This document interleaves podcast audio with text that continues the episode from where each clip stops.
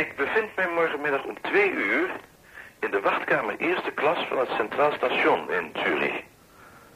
Het is misschien verstandiger om onze ontmoeting wat ongedwongen te laten plaatsvinden.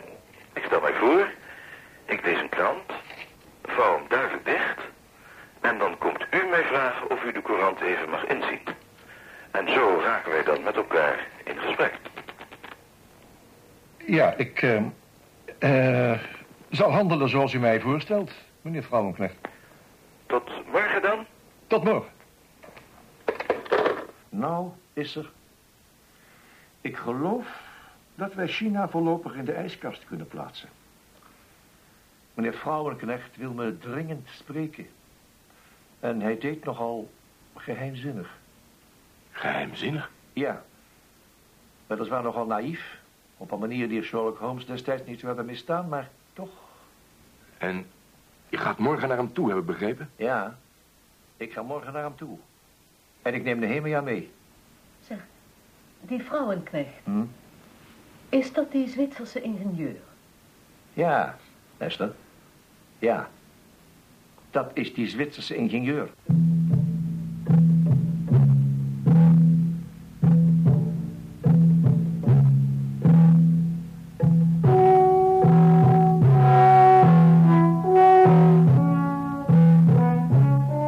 Luchtmacht op papier. Een nieuwe hoorspelserie over de Mossad, de Israëlische geheime dienst.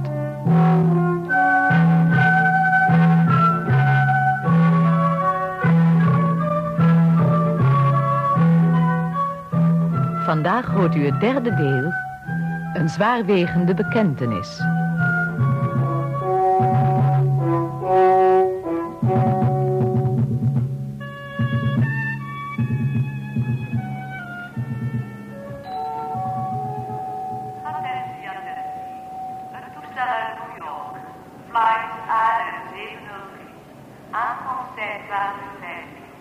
Heeft een vertraging van 15 minuten. Het toestel uit Tel Aviv. Flight nummer EL 38. Dat is een mooie tijd. Wat eh, zullen we doen? Taxi nemen naar Zurich? Nou, dat kunnen we altijd nog doen. Laten we eerst maar eens naar de informatiedienst van Nijl gaan. Misschien is er wel een goede treinverbinding van Bern naar Zurich. Dan hebben we het voordeel dat we meteen op het station in Zurich gaan komen. Ja, en ook minder opvallend. Ook dat?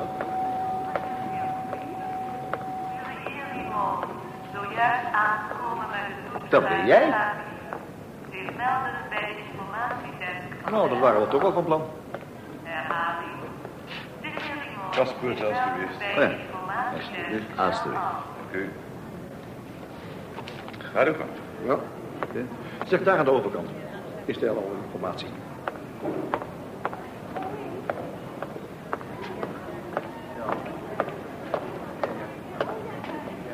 Goedemiddag, juffrouw. Mijn naam is Limon.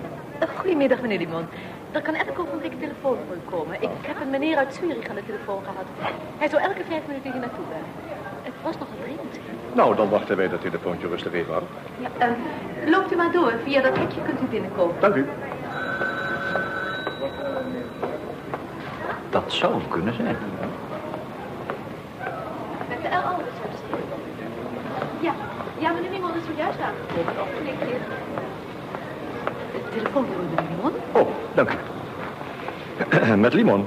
Meneer Limon, met Vrouwenknecht. Ik bel u daarom op omdat ik toch iets omzichtiger te werk wil gaan. Op het station zijn mij toch te veel passanten. Daarom zou ik het prettig vinden als u rechtstreeks naar het Palace Hotel in de Witterdorfstraat in Zurich zou gaan. Ja, ogenblikje. Ik schrijf het even op. Hotel Palace. Wieterdorfstrasse. Ja. Ik ben om twee uur al daar, in de lounge, en wacht rustig op uw komst. U kunt het beste nu meteen een taxi nemen naar het Centraal Station in Bern. Vandaag een trein aan de lopende band naar Zurich. U kunt hier dan ongeveer om twee uur zijn. Maar haast u niet, ik heb de tijd. Wij komen zo snel mogelijk, meneer Vrouwenknecht. Tot dadelijk. Dank u zeer, mevrouw. Tot uw dienst. Oh ja, wat ik nog wilde vragen. Waar is hier de taxistandplaats? Recht tegenover de uitgang. Dank u zeer en tot ziens. Tot ziens, heren. Tot ziens. Moeten we naar een bepaald adres gaan? Ja, hij vond het station blijkbaar om de een of andere reden te riskant. Ah, dat versterkt bij mij de hoop dat hij iets belangrijks te vertellen heeft. Hoorde ik jou de Wiederdorfstraße zeggen? Ja. Hé, hey, Wiederdorf, dat is nogal een berucht vermaakcentrum in Zurich. Zo? Hoe weet jij dat eigenlijk? Ja, een geheim agent moet overal mee op de hoogte zijn. Oh, daar staan de taxis.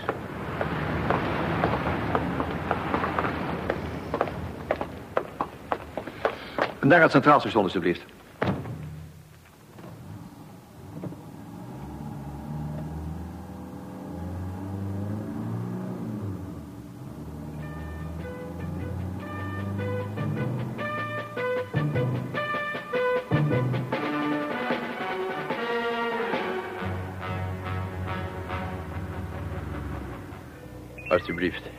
Palace Hotel. Dat is 4 van 50. Alsjeblieft. Ja, laat u maar. Oh, dank u.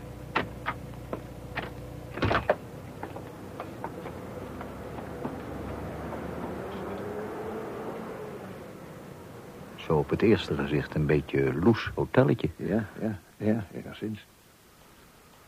O, daar zit meneer. Dag, meneer Vrouwenknecht. Dag, heren. Zo, gaat u zitten. Dank u. Wilt u iets gebruiken? Nou, we hebben in de vliegtuig geluncht, maar een kopje koffie wil ik graag gebruiken. Ja, voor mij ook graag. Over. Graag twee koffie. Ik heb onze residentie maar hier naartoe verplaatst... omdat deze wijk van Zurich min of meer berucht is. En daardoor de kans klein is dat ik hier een of andere regeringsfunctionaris aantref. Ja, ja, ja. Ik maak hieruit op dat u ons iets te vertellen hebt over ons probleem met de mirages. En die conclusie mag u trekken. Ik kom meteen maar ter zake. U had problemen met reserveonderdelen van de mirages. Ja. Nu heb ik een plan bedacht om u hierin tegemoet te komen. Ik zou u zelfs geen onderdelen, maar complete toestellen kunnen leveren. Wat zegt u? Zou u ons Zwitserse mirages kunnen leveren? Zouden wij die moeten kapen of iets dergelijks? Natuurlijk niet. Als ik daaraan zou meewerken, zou ik mijn land verraden. En dat is wel het laatste wat ik zou doen. Nee, waar ik aan denk, dat zijn de plannen van de mirages. De bouwtekeningen die Israël in staat zullen stellen om zelf de machines te bouwen. U bent stil? Ziet u daar weinig in? Uh, ik voel me niet competent daarover te oordelen, meneer Vrouwenknecht. Alsjeblieft, twee koffie. Uh, dank u wel. Merci. U moet dit bespreken met ingenieur Al Schwimmer. Uw president van de Israëlische luchtvaartindustrie. Hij kent mij heel goed. Als Israël de blauwdrukken zou hebben van die mirages, alle blauwdrukken, dan weet ik zeker dat de heer Schwimmer het probleem van uw luchtmacht in korte tijd zou kunnen oplossen. Hij zou de mirages zelf kunnen bouwen. Maar wat voor dit moment nog belangrijker is, hij zou de reserveonderdelen kunnen fabriceren die de Israëlische luchtmacht binnen enkele maanden hard nodig zal hebben. En u zou ons die tekeningen kunnen leveren? Ik heb hieromtrent een plan in mijn gedachten. En dat zou ik kunnen uitvoeren als uw regering daarvoor belangstelling zou hebben. Ja, zoals mijn vriend Mordechai al zei, meneer Vrouwenknecht. Techniek is niet zijn sterkste kant. En de mijne ook niet. Maar zoveel begrijp ik daar wel van... dat wat u voorstelt hoogst belangrijk is. En dat onze regering van uw aanbod zeker gebruik zal willen maken. Ik zou zeggen, bespreekt u dat met uw superieuren. En ik raad u aan ook de reeds genoemde ingenieur Schwimmer hierbij in te schakelen. En dan hoor ik wel van u. Oh, ja. Hier hebt u mijn kaartje. Ja? U kunt mij rustig thuis bellen. Mijn telefoon wordt niet afgeluisterd. En u kunt volstaan met de mededeling dat u mijn voorstel aanvaardt. Ja, dat is allemaal zeer interessant wat u vertelt, meneer Vrouwenknecht. En ik ben het met mijn collega eens dat onze regering voor uw voorstel grote belangstelling zal hebben. Maar ik veronderstel toch dat een en ander op illegale wijze plaats zal vinden. Dat ziet u goed. Zouden wij onze superieuren ook kunnen mededelen op welke wijze u een en ander wilt gaan realiseren? Nee, dat kunt u niet. U moet mij vertrouwen. En u moet mij mijn gang laten gaan. U zou mij aan het eind van de operatie wel behulpzaam moeten zijn met het transport. Maar dat laat zich te zijner tijd wel regelen. Oh, uitstekend. Ja, en dan heb ik nog een vraag, meneer Vrouwenknecht. Welke tegenprestatie verwacht of verlangt u van ons? Ik heb zo mijn redenen om het volk van Israël naar mijn vermogen te helpen. En daarbij is geen plaats voor een materiële tegemoetkoming? U gebruikt het juiste woord. Tegemoetkoming. Ik heb daaraan inderdaad gedacht, gezien de verantwoordelijkheid die ik draag ten aanzien van mijn vrouw. Mocht ik gearresteerd worden, dan zal mijn vrouw beschermd moeten zijn. De uitvoering van mijn voorstel is moeilijk en zeker niet zonder gevaar mijnerzijds. Ik zal voor mijn werk als een soort verzekering 200.000 dollar nodig hebben. 200.000 dollar. Ja, 200.000 dollar. Die hoeft u mij niet van tevoren te betalen. Wanneer alles achter de rug is, zou ik het geld mogelijk pas nodig hebben. Ik zal u dan laten weten waar het geld gestort dient te worden. Meneer Vrouwenknecht, ik geloof dat wij voor dit moment genoeg weten. Wij zullen dit met onze superieuren bespreken en u hun standpunt zo spoedig mogelijk laten weten. Bedank u echter nu reeds bijzonder voor de moeite die u hebt willen nemen.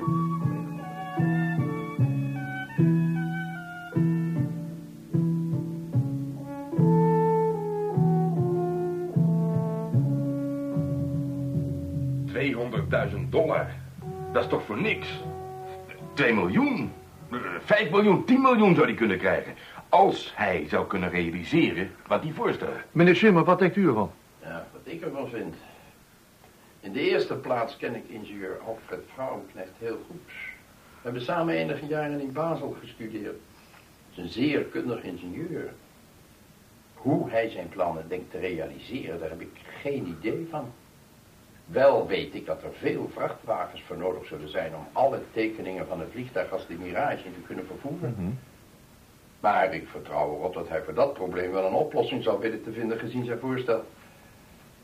Wat ik echter niet begrijp is, waarom die belangeloos, want ondanks die 200.000 dollar beschouw ik zijn actie als belangeloos. En waarom hij zoveel riskeert om Israël te helpen. Want dan is het dan geen landverraad. Het is op zijn gunstigste, op zijn ware zaak van bedrijfsspionage. En als het uitkomt, zal hij zeker voor jaren de bak in gaan. Hij had zijn persoonlijke redenen om Israël te helpen, zei hij.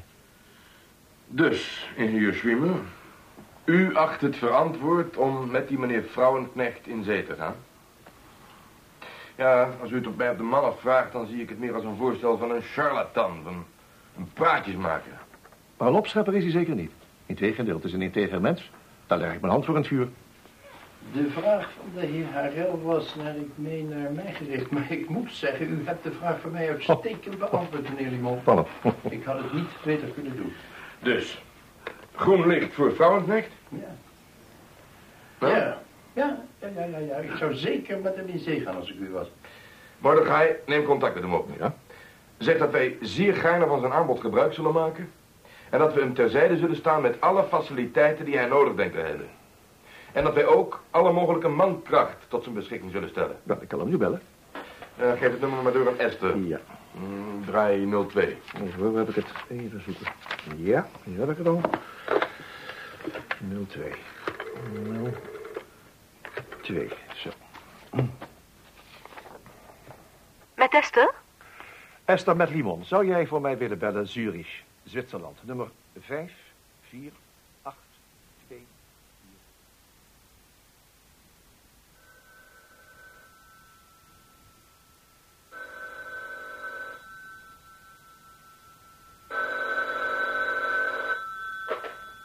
Met mevrouw Vrouwenknecht. Met wie, zegt u? Een ogenblikje. Alfred, een zekere meneer Mordechai Limon voor je. Oh. Met Vrouwenknecht. Met Limon, meneer Vrouwenknecht. Ik heb beloofd u te zullen bellen. En ik wil u hierbij laten weten, ik spreek hier, ik mag wel zeggen, namens de regering, dat wij gaarne op uw aanbieding ingaan en wij verlangend zijn te vernemen in hoeverre wij aan uw plan kunnen en mogen meewerken. Ik, eh, ik dank u voor het vertrouwen, meneer Limon. Ik zal mijn plannen nu nader uitwerken. En als het tijdstip daar is, u laten weten waar en hoe u mij zult kunnen assisteren. Ja, ja, ja. Kan ik mij daarbij bedienen van het telefoonnummer in Tel Aviv... dat ik destijds van u gekregen heb? Ja, dat kunt u inderdaad. Dan kunt u vragen naar de heer Harel. Isser Harel. Hij is onze coördinator en is van alles op de hoogte. De heer is... Uh, Harel. Harel, ja. Ik heb het genoteerd. U hoort van mij. Dag, meneer Limon. Tot ziens, meneer Vrouwenknecht. Heb ik het goed begrepen dat dat telefoontje uit Israël kwam? Dat heb je heel goed begrepen, Anna. Ga eens even zitten. Ja. Ik heb iets heel belangrijks met je te bespreken. Gaat het over die mirages? Dat is juist, Anna. Ik sta op het punt een belangrijk initiatief te nemen. Maar aan dat initiatief zijn risico's verbonden. In de eerste plaats voor mij, maar daarom ook voor jou. En daarom wil ik niets ondernemen zonder jou daarin te kennen. Je maakt me op een huiverende manier erg nieuwsgierig. Luister. Je kent mijn gevoelens voor het Joodse volk. En mijn grote sympathie voor de staat Israël. Deze jonge staat bevindt zich volgens mij in groot gevaar. Ze staan in wezen alleen tegenover een zeer vijandige wereld. Het grootste gevaar waardoor Israël nu wordt bedreigd, komt vanuit de lucht. Als geen ander weet ik hoe funest het wapenembargo van de Go voor Israël kan zijn. En ik weet ook dat een opheffing van dat embargo de komende jaren niet in het verschiet ligt. Nu meen ik een modus gevonden te hebben om Israël op een heel belangrijk punt te kunnen helpen. Het gaat hierom. Door de aanschaf van mirages uit Frankrijk, door de Zwitserse regering, beschikken wij...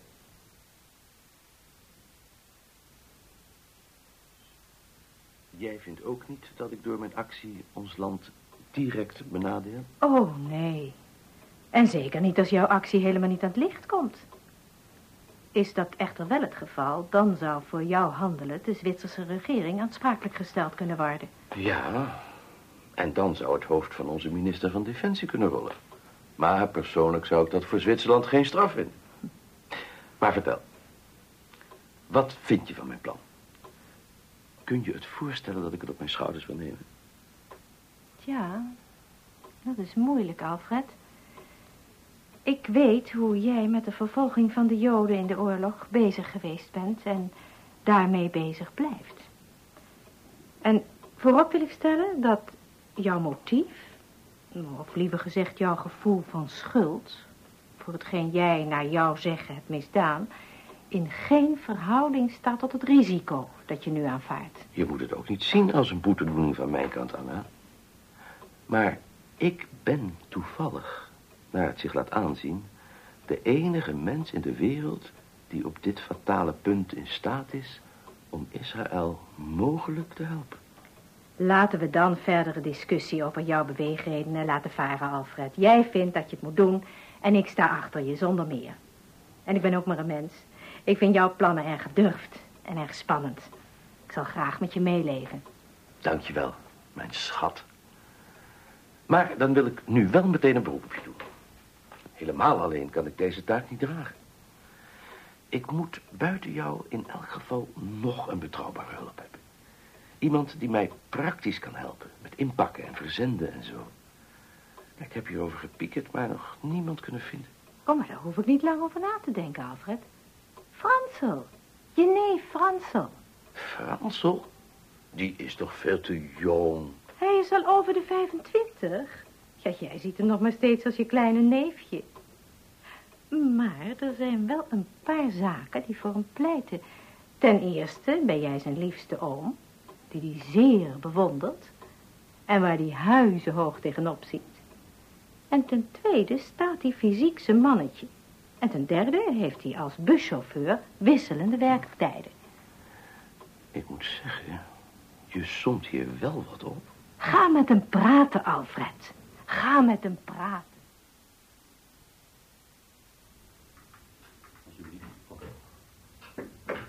Nog een bier, Fransel? Nee, oom. Of liever gezegd graag, oom. Maar niet eerder voor u mij verteld hebt waarover u mij wilt spreken. Goed. Dan moet ik bij het begin beginnen. En moet ik een kleine, een kleine terugblik op de geschiedenis voor je schetsen. Adolf Hitler was vanaf 1933 de leider, de Führer van het Duitse volk. In Duitsland heerste een vreselijke chaos. En het was praktisch onbestuurbaar geworden. En het moet gezegd, onder Hitler leek een periode van herstel te zijn ingetreden. Leek, want nu weten wij allen dat hij Duitsland naar de afgrond heeft geleid. Maar dat neemt niet weg dat een groot deel van de wereld aanvankelijk met bewondering naar die man opkeek. Ook hier, in Zwitserland. En vooral in het Duits sprekende deel, waar wij wonen. En ik moet tot mijn grote schande bekennen... dat ook ik grote bewondering voor Hitler heb gekoesterd. Ik ben zelfs zo ver gegaan... dat ik naar een partijdag ben geweest. In München. En dat ik... Ik durf dat alleen tegenover jou te bekennen... dat ik me zo heb laten meeslepen... dat ik met de menigte mijn arm heb geheven...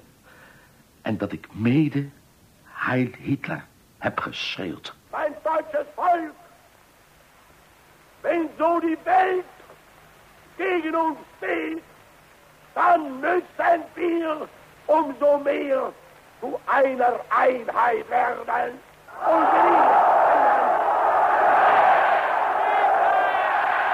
Sieg Heil!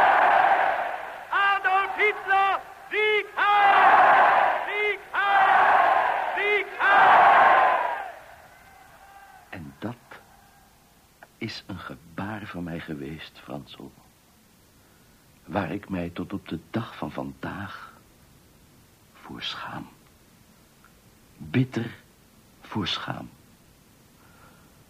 Vooral gezien in het licht van wat Hitler de Joden heeft aangedaan. En daarom, daarom, daarom zul je misschien kunnen begrijpen dat ik... Maar goed, laat ik je nu eerst mijn plan vertellen.